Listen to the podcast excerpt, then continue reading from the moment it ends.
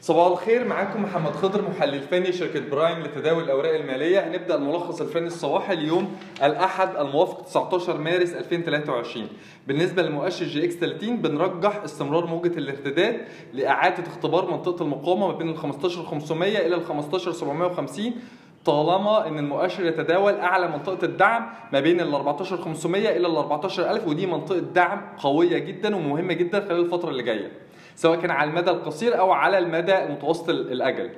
المكونات اللي هنركز عليها النهارده هي حاجتين. أول حاجة مصر الجديدة اللي بنرجح إن هي تعيد اختبار مستوى المقاومة السنوي ليها عند 7 جنيه 90 قرش طالما إن مصر الجديدة تتداول أعلى مستوى دعمه عند 6 جنيه ونص. تاني مكون هو فوري اللي بنرجح إعادة اختباره لمنطقة المقاومة ما بين ال 4 جنيه 90 إلى ال 5 جنيه طالما إن فوري يتداول أعلى مستوى دعمه عند ال 4 جنيه 30 قرش.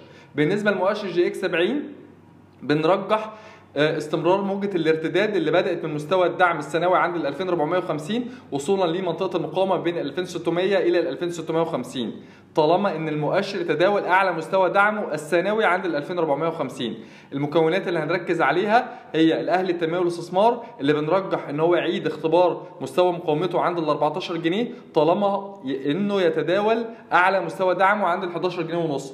تاني مكون هو نهر الخير اللي بنرجح إن هو يعيد اختبار منطقة المقاومة بين ال 27 قرش إلى ال 29 قرش طالما إنه يتداول أعلى مستوى دعمه عند ال 23 قرش.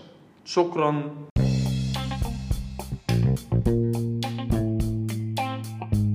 يرجى العلم أن هذا العرض هو لأغراض معرفية فقط، ولا يمكن اعتباره عرض أو توصية شراء أو بيع أو إدارة استثمارات أو خدمات استشارية. ينصح باستشارة مستشارك المالي قبل اتخاذ أي قرار استثماري، علماً بأن الأداء التاريخي ليس مؤشراً يعتمد عليه لتحديد الأداء في المستقبل.